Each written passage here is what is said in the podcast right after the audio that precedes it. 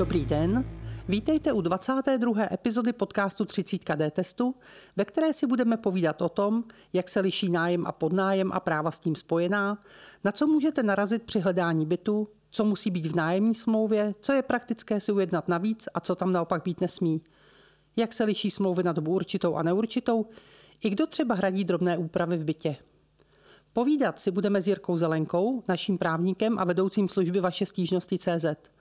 Já jsem Eda Hekšová, ředitelka D-testu a budu se ptát za vás. Ahoj Jirko. Ahoj Edo a zdravím i všechny posluchače D-testu.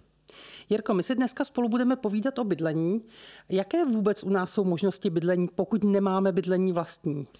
Já jenom na začátek řeknu, aby jsme věděli, o jakém procentu lidí se bavíme, že ve vlastním bydlení bydlí v Česku zhruba 78% a ten zbytek pokrývá buď nájem, nebo podnájem, anebo, nebo takzvané ubytování.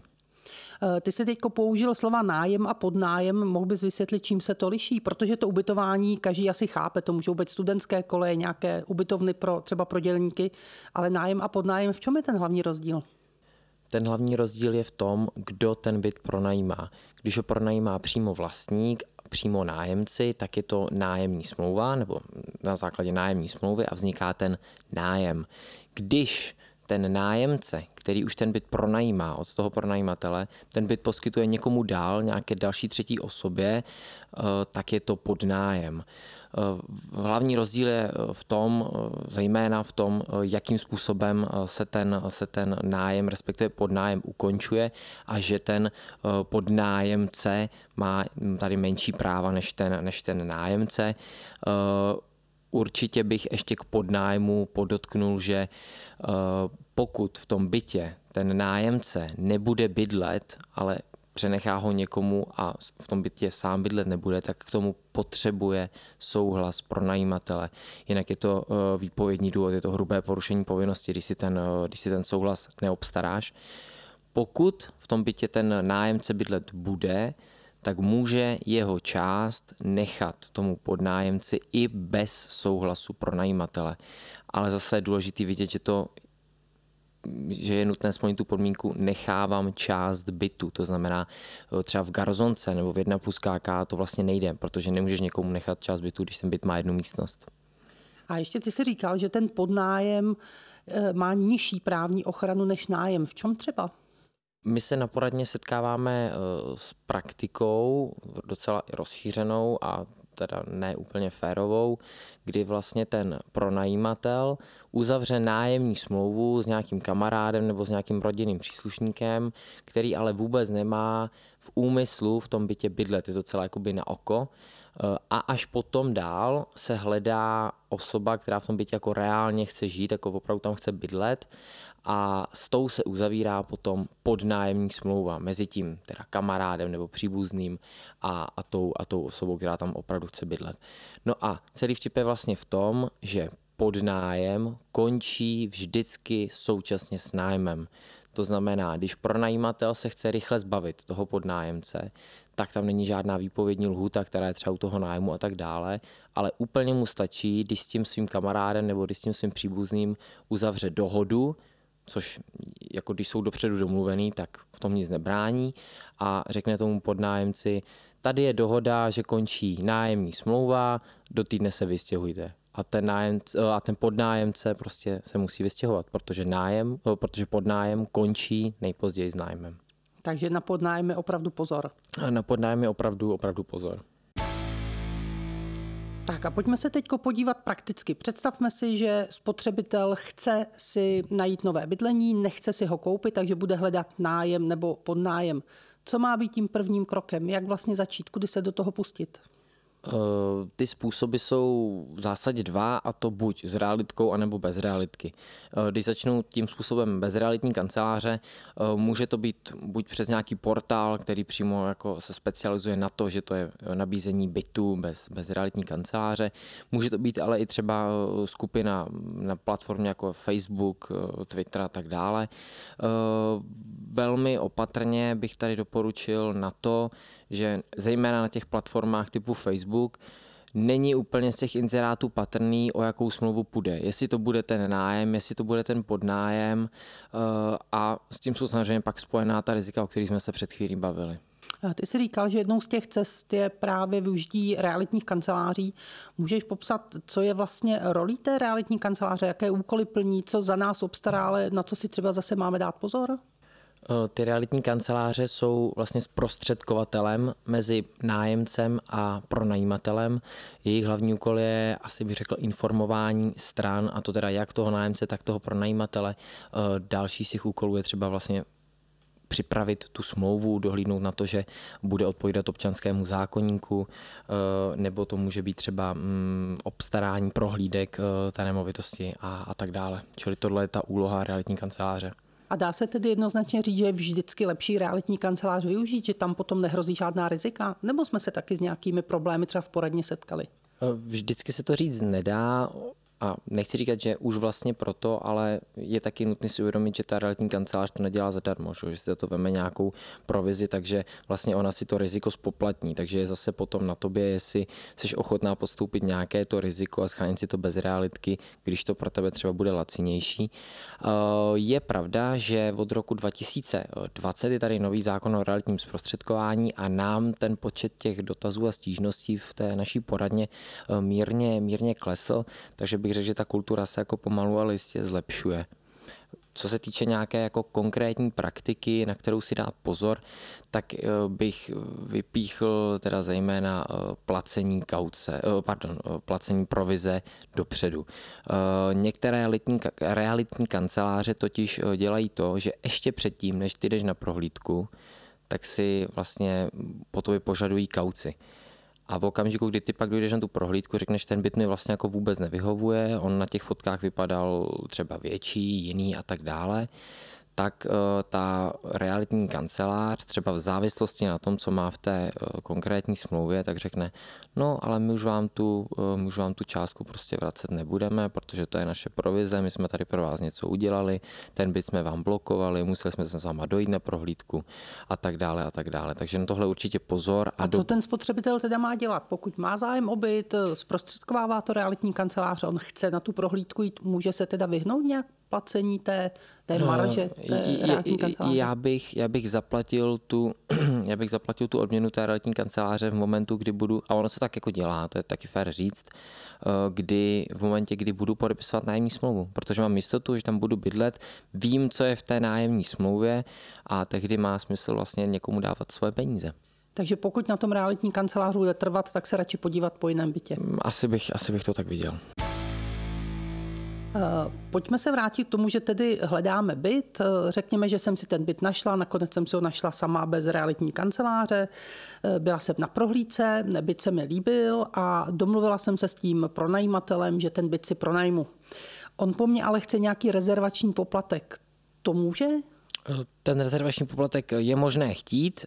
Je taky vhodné jako říct, že ze zákona ten rezervační poplatek není propadný, ale ty strany si můžou mezi sebou domluvit opak. To znamená, ten rezervační poplatek vám může propadnout, pokud dejme tomu, půjdete na prohlídku, řeknete, je ten byt se mi fakt líbí, opravdu tu chci bydlet, podepíšete eh, rezervační smlouvu, ten pronajímatel vám ten byt bude týden držet, mezi tím odmítne dalších prostě 10 zájemců a vy mu pak řeknete, já jsem si to rozmyslel tak eh, v takové situaci je podle mě možné, aby ten rezervační poplatek eh, byl propadný. Samozřejmě musí být v nějaké přiměřené výši. Ona není přesně stanovená zákonem, ale musí to být vždycky nějaká, nějaká přiměřená výše. Ale pokud tedy se domluvíme, že mi ho vrátí, já opravdu smlouvu podepíšu, tak mi ho vrátit musí? Eh, je to tak a ono nejčastěji to bývá, bývá tak, že ten poplatek se prostě započte na další nájem nebo se započte na kauci. Jo? Čili příklad, budu mít nájemné 15 tisíc, zaplatím rezervační poplatek 5, no tak v první splátce nebudu posílat 15, eh, ale 10. Ono totiž ten rezervační poplatek je ve své podstatě vlastně eh, jakoby sankce nebo mm, jako paušální náhrada škody za to, že ty něco nesplníš, v tomto případě, že neuzavřeš tu smlouvu.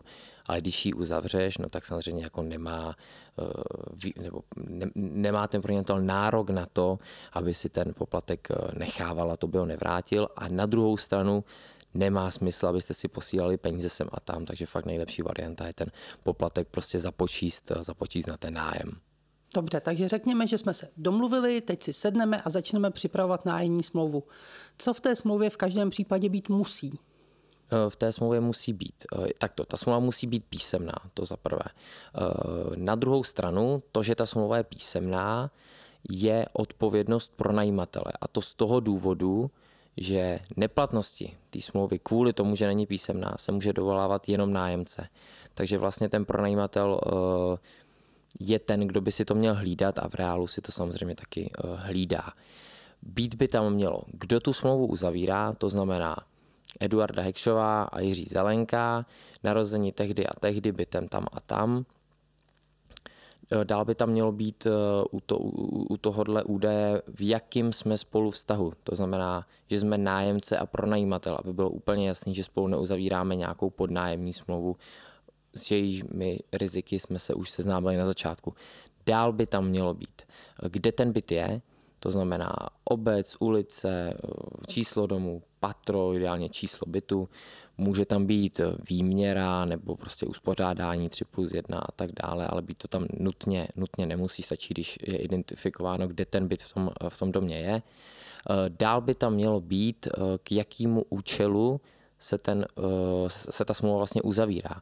A to je z jednoho důvodu důležitý, protože ty, když budeš bydlet jako nájemce, když účelem té smlouvy bude uzavřít nájemní smlouvu, tak ty, když jako nájemce budeš bydlet i v nebytovém prostoru, tak pořád máš práva, který má nájemce, což je pro tebe jako velmi výhodný, protože ta ochrana v tom občanském zákonníku je poměrně silná. Takže vymezit si, proč tu smlouvu uzavíráme, že opravdu účelem té smlouvy je, eh, je užívání bytu k bydlení, nebo teda i nebytového prostoru k bydlení.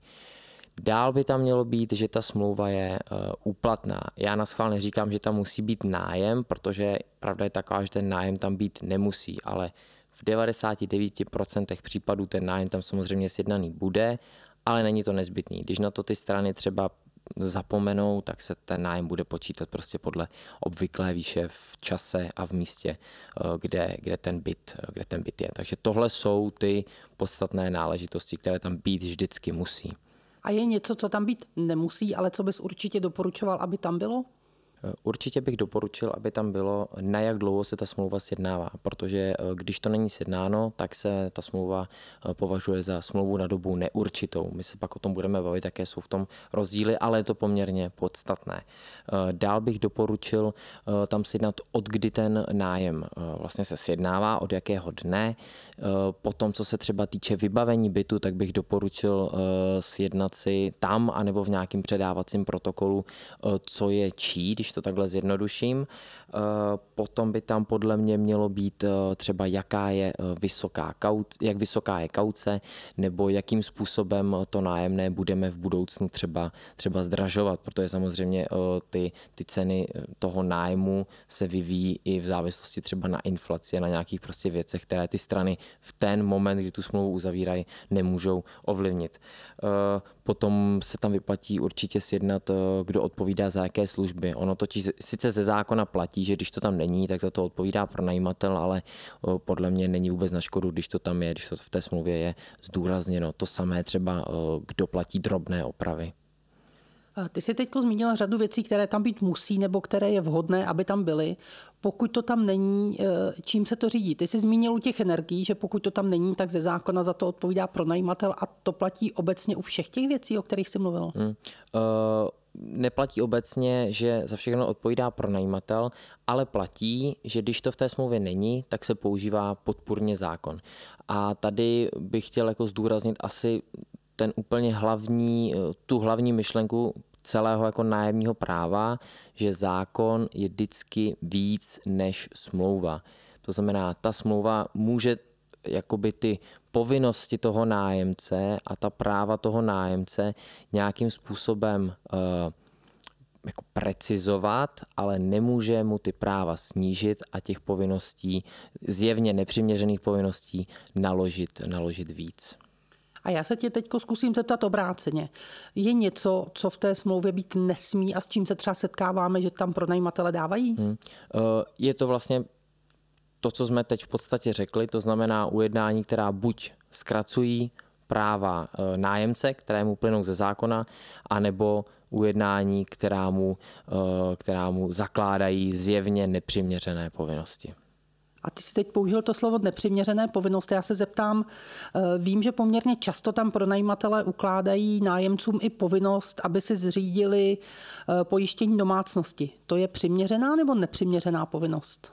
Uh, není na tom úplná schoda, ale spíš je to hodnoceno jako přiměřená povinnost, ale já si teda především myslím, že to není úplně chytrá povinnost, nebo že to není úplně chytré ujednání, protože jako vydáte nájemci povinnost, aby zřídil pojištění domácnosti, on si vybere pojišťovnu, vybere si produkt, vám se to třeba vlastně vůbec nelíbí, co on tam sjednal, představoval byste se jako pronajímatel něco úplně jiného, ale jak to ovlivníte, když tu povinnost jste přenesli na něj? Jo? Myslím, že daleko lepší je eh, uzavřít to sami a promítnout to do výše nájemného. To si myslím, že je úplně nejjednodušší varianta, aby vlastně ty trumfy v úvozovkách zůstaly tomu pronajímateli v ruce. Tak a já bych se teď vrátila k té otázce, kterou jsme říkali předtím. Jestli v těch smlouvách bývá něco, co by tam být rozhodně nemělo. A já bych se chtěla zeptat na nějaké úplně konkrétní příklady. Já začnu trošku odzadu tím, co by v těch smlouvách nově být mohlo, a to jsou smluvní pokuty, protože eh, proběhla v roce, myslím, 2020 eh, novela občanského zákonníku. Dřív nesměly být vůbec ve smlouvách, v nájemních smlouvách smluvní pokuty. Dneska už tam ty smluvní pokuty být mohou, ale samozřejmě musí být přiměřené. To znamená, eh, když si vzpomenu z praxe, tak byla smluvní pokuta za každý den prodlení se zaplacením nájemného byla 5 tisíc. To nájemné bylo celkem, myslím, 25 tisíc, takže to byla vlastně čtvrtina, pětina, pětina za den, což je neuvěřitelně prostě vysoký, vysoký úrok. Každý soud by to stoprocentně schodil. Dál si vzpomenu na smluvní pokutu v případě, že jste podali výpověď u nájmu na dobu určitou, což podotýkám je vaše zákonné právo za splnění nějakých podmínek, tak tam byla smluvní pokuta ve výši jednoho nájmu a, a podobné prostě nesmysly. Takže ty smluvní pokuty tam být mohou, ale musí být přiměřené a samozřejmě nesmí sankcionovat věci jako výkon práva a tak dále. K těm konkrétním příkladům, co tam být nesmí, začnu asi tím nejkontroverznějším a to je zákaz kouření. Eh, kdy ty názory se opravdu rozcházejí, ať už eh, od extrémní ochrany nájemce, že to prostě ten pronajatel nesmí v tom bytě zakázat, nebo po nějaký, řekněme, mm, svobodnější přístup eh, v těch pravomocích toho pronajímatele, že to zkrátka dobře zakázat může taková zlatá střední cesta se asi ukazuje názor, že zakázat kouření je možné v nájemní smlouvě, ale to jenom tehdy, když to mají zakázáno všichni nájemníci v tom domě, aby nedocházelo vlastně k diskriminaci. Eh, je to hezká myšlenka, ale pro provedení pro to pronajímatele asi, asi dost náročná. Eh, dalším tím příkladem může být třeba zákaz podnikání. To je něco, co tam taky být nesmí. Ty můžeš bytě podnikat, ale můžeš podnikat tedy jenom tak, abys neobtěžovala ty ostatní, ostatní nájemníky eh, toho domu. Takže příklad, mám advokátní kancelář u sebe v bytě, chodí mi tam pět klientů denně, no tak určitě nikoho neobtěžuju tím, že potom do mě projde eh, pět cizích eh, lidí. Dál, další věc, Taky kontroverzní eh, a častá je zákaz chovu domácích mazlíčků. To taky nejde ve smlouvě zakázat ze zákona. A poslední, co si vzpomenu třeba z poradny, tak byl zákaz návštěv, respektive když ten eh, nájemce si chtěl vzít eh, někoho do bytu, tak musel tomu pronajímateli dávat vědět, musel si od něj vyžádat svolení a tak dále. Prostě úplně, úplně nesmysly, které v těch smlouvách samozřejmě být, být nesmí. A když se bavíme o těch domácích mazlících, jsou tam nějaké výjimky? Já vím, že většina z nás si pod pojmem domácí mazlíček asi představí pejska nebo kočičku, ale jak je to třeba v případě chovatelů nějakých nebezpečných zvířat, třeba jedovatých hadů nebo pavouků? Hmm, toho domácího mazlíčka ty můžeš chovat takovým způsobem, aby to neobtěžovalo ostatní nájemníky v tom domě. To znamená, uh, pokud budeš mít nějaké nebezpečné zvíře, tak bys měla mít dostatečně dobře eh, zabezpečené třeba to terárium nebo prostě ten prostor, kde to zvíře budeš chovat. A to zase může ten pronajímatel jednoduše zkontrolovat, protože pronajímatel může eh, na svou žádost vstoupit eh, do svého vlastního bytu, když, když, chce, když chce zkontrolovat třeba zrovna takovouhle věc. Ale to se bavíme opravdu o těch nebezpečných zvířatech nebo o extrémech typu, kdy budeš mít prostě v garzonce šest psů a tak dále. Prostě ty nesmíš tím chovem obtěžovat ostatní, ale v principu principu ti nikdo nemůže zakázat, abys, abys eh, ty zvířata u sebe měla. A tady se zeptám, jestli není cesta, jak to vlastně pronajímatelé mohou, mohou obcházet, když já přijdu na prohlídku bytu a e, vím, že mám pejska, kterého si chci vzít do bytu sebou a pronajímatel se mě zeptá, e, a máte pejska a budete si ho sem stěhovat. Dá se předpokládat, že pokud to řeknu, že on si mě vůbec nevybere a tu smlouvu se mnou e, neuzavře. Takže co bys tady doporučil, jak tady máme reagovat? Ono už to vlastně zaznělo v té tvojí otázce, že to je obcházení zákona, eh, které, které není možné, protože jinak ten zákon samozřejmě je úplně bez zubí, když, ho budu, když budu obcházet jeho smysl. Eh, tady prostě ty nemusíš reagovat, nebo je na tobě, jak zareaguješ, nemusíš na tu otázku odpovídat. Aha, Pojďme tedy předpokládat, že se dohodneme, tu smlouvu budeme podepisovat a, a jak už si konec konců zmiňoval, velmi důležitou tou součástí toho nájmu je také dohoda, na jak dlouho ten nájem uzavíráme. Jaké tady jsou vůbec možnosti a jak se to liší? Uh, nájem se uzavírá buď na dobu určitou, anebo na dobu neurčitou. Když si to v té smlouvě nedomluvíme, a já bych to tam jako velmi doporučil domluvit, tak se ten, ten nájem považuje za sjednaný na dobu, na dobu neurčitou. A to je velmi podstatné, zejména pro ukončování těch nájmů, protože když mám nájem na dobu neurčitou, tak ho jako nájemce můžu vypovědět ve výpovědní době eh, bez udání důvodu. Kdežto, když mám na dobu určitou, tak musí existovat nějaké zákonem, eh, anebo třeba i pak smlouvou rozšířené eh, výpovědní důvody. Z pohledu toho pronajímatele je v tom taky rozdíl, protože u nájmu na dobu neurčitou má ten pronajímatel víc výpovědních důvodů, než, eh, než u toho nájmu na dobu určitou. Úplně zjednodušeně řečeno, když jsem nájemce, je pro mě těžší se dostat pryč z nájmu na dobu určitou, když jsem pronajímatel, je pro mě těžší dostat pryč toho nájemce z bytu, když má nájem na dobu určitou. Tak a teď se pojďme podívat na jednu otázku, o které už jsme také mluvili, a to je sjednání výše nájemného. Ty si říkal, že to není nezbytné, ale je to vhodné upravit. Já se zeptám v první řadě na výši nájemného. Je to nájemné nebo nějaký jeho rámec stanovený nebo zastropovaný, nebo je to skutečně zcela na dohodě eh, toho pronajímatele a nájemce? No, u nás neexistuje uh, regulovaná výše nájemného, jako myslím třeba v Berlíně, ale uh, je pravda, že ty nájmy by měly být uh, ve výši, ve výši obvyklé, prostě v tom místě a v tom čase. A jak se to nájemné v čase může měnit? Jsou tam vlastně mm, tři varianty, to znamená, buď dopředu v té smlouvě úplně vyloučíme možnost to nájemné zvyšovat, to je nejtypičtější pro smlouvy na dobu určitou, nebo se domluvíme, nebo si domluvíme nějaký mechanismus, třeba tam dáme nějakou inflační doložku, jo, že podle inflace budeme, budeme to nájemné uh, zvyšovat, nebo že se bude v podstatě samo od sebe zvyšovat. No a nebo neuděláme ani jedno. A tehdy nastupuje občanský zákonník s docela složitým postupem pro zvyšování nájemného, ale ten základní princip toho postupu je ten, že pronajímatel navrhuje nájemci zvýšení a je přitom omezený zákonem co do výše i co do frekventovanosti takového návrhu. On ho může podat eh, jednou ročně. Nájemce sice takový návrh eh, nemusí respektovat, pak ale pronajímatel se může obrátit vlastně na soud, aby, aby to nájemné zvýšil soud v těch smlouvách, ale bývá domluvena nejen výše nájemného, ale také poplatky za nějaké další služby. Mohou to být buď energie, internet, odvoz odpadů, úklid v domě a podobně. Jak je to tady? Tam se to také může zvyšovat, nebo je dobré to domluvit tu výši, kdo to vlastně hradí? Jak bys doporučoval, aby to ve smlouvě mm-hmm. bylo ošetřené? Eh, tohle je jedna z těch věcí, která, když není ve smlouvě, tak je upravená zákonem, ale doporučuje se v té smlouvě, v té smlouvě opravdu uh, ujednat. Uh, ty platby probíhají mm, buď fixně, nebo zálohově a je možné, je možné je zvyšovat. A ještě mě napadá jedna věc, když tedy jsem v bytě, jsem nájemník, něco se porouchá, eh, nevím, třeba rozbije se boiler, nebo praskne žárovka, nebo nevím, něco praskne v podlaze. Kdo vůbec hradí takovéhle opravy? Eh, drobné opravy v bytě, a protýkám opravdu drobné opravy, eh, platí, platí nájemce.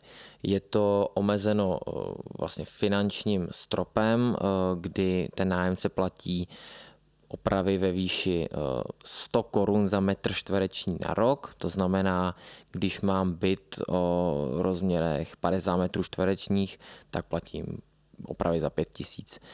Eh, je docela zajímavá otázka, jak hodnotit eh, to, když ten nájemce je třeba nějakým způsobem manuálně zručný a ty opravy si provádí sám a teda zadarmo a nevolá si na každou blbost v úvozovkách hodinového manžela nebo prostě instalatéra. E, není to nikde, není to nikde vyřešený, tahle otázka.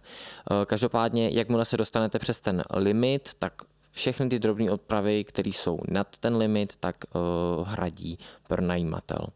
Uh, smlouva uh, nemůže, nemůže stanovit nic jiného, protože tohle přímo vychází z nařízení, z nařízení vlády o drobných opravách.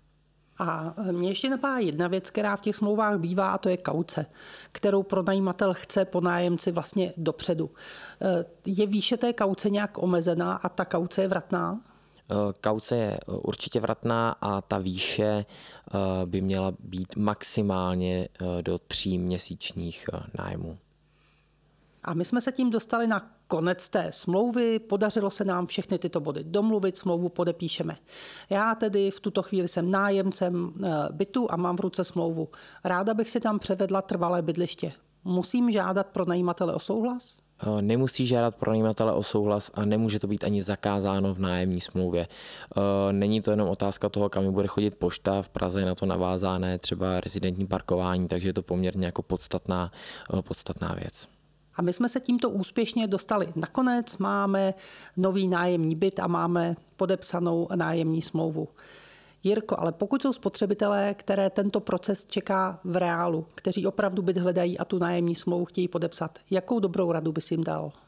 Já bych jim dal radu, která se bude vztahovat k tomu, o čem jsme se bavili asi největší e, část, to znamená k těm zakázaným ujednáním v té smlouvě, nebo pokud je v té smlouvě něco, e, co by tam mít ze zákona nemělo. E, neupozorňujte na to. Neupozorníte prostě na to toho pronajímatele třeba při prohlídce nebo při uzavírání té smlouvy, protože vy jenom proto, že po někom budete chtít, aby dodržoval zákon, tak budete za potížistu a ten byt vám ten pronajímatel možná ani nedá. Eh, to, že na to neupozorníte, eh, nemá pro vás eh, žádný negativní dopad, protože když v té smlouvě je něco, co by tam ze zákona být nemělo, tak sankce je, že se k tomu nebude přihlížet. To znamená, jako by to tam ani nebylo. Tudíž vy na to ani nemusíte upozorňovat, protože kdyby došlo k nějakému problému a ten pronajímatel se dovolal, řeknu třeba, té smluvní pokuty za to, že jste nezaplatili pět tisíc na den, tak vy mu řeknete úplně v klidu, to je prostě část smlouvy, která se nepoužije a tím to končí pro vás. Takže tohle je, tohle je rada ode mě k nějaké třeba strategii při jednání s pronajímatelem. A touto radou se s vámi pro dnešek loučí Eda a Jirka. Právě jste poslouchali podcast 30 D testu, ve kterém jste se dozvěděli, že podnájem není nájem a musíte si dávat větší pozor, ale třeba chov mazlíčků vám nemůže být ve smlouvě zakázán nejen při nájmu, ale ani pod nájmu. Dál jsme vám objasnili, že drobné opravy bytu platí do určité výše nájemník, že nájemné vám pronajímatel může zvýšit maximálně jednou do roka a způsob zvyšování je nejlepší domluvit přímo ve smlouvě. Jestli řešíte nějaký podobný problém a potřebujete pomoc, zavolejte nám kdykoliv ve všední den mezi 9 a 17 hodinou do naší spotřebitelské poradny na číslo 299 149 009 kde vám naši poradci zdarma poradí. Pokud máte nějaký jiný dotaz nebo nám chcete něco vzkázat, kontaktujte nás na našem Facebooku nebo nám napište na e-mail dtest.cz. Příště se na vás těšíme na stejném místě za 14 dní a jak jsme slibovali, vrátíme se k tomu, co spotřebitele nejvíc trápilo v roce 2021.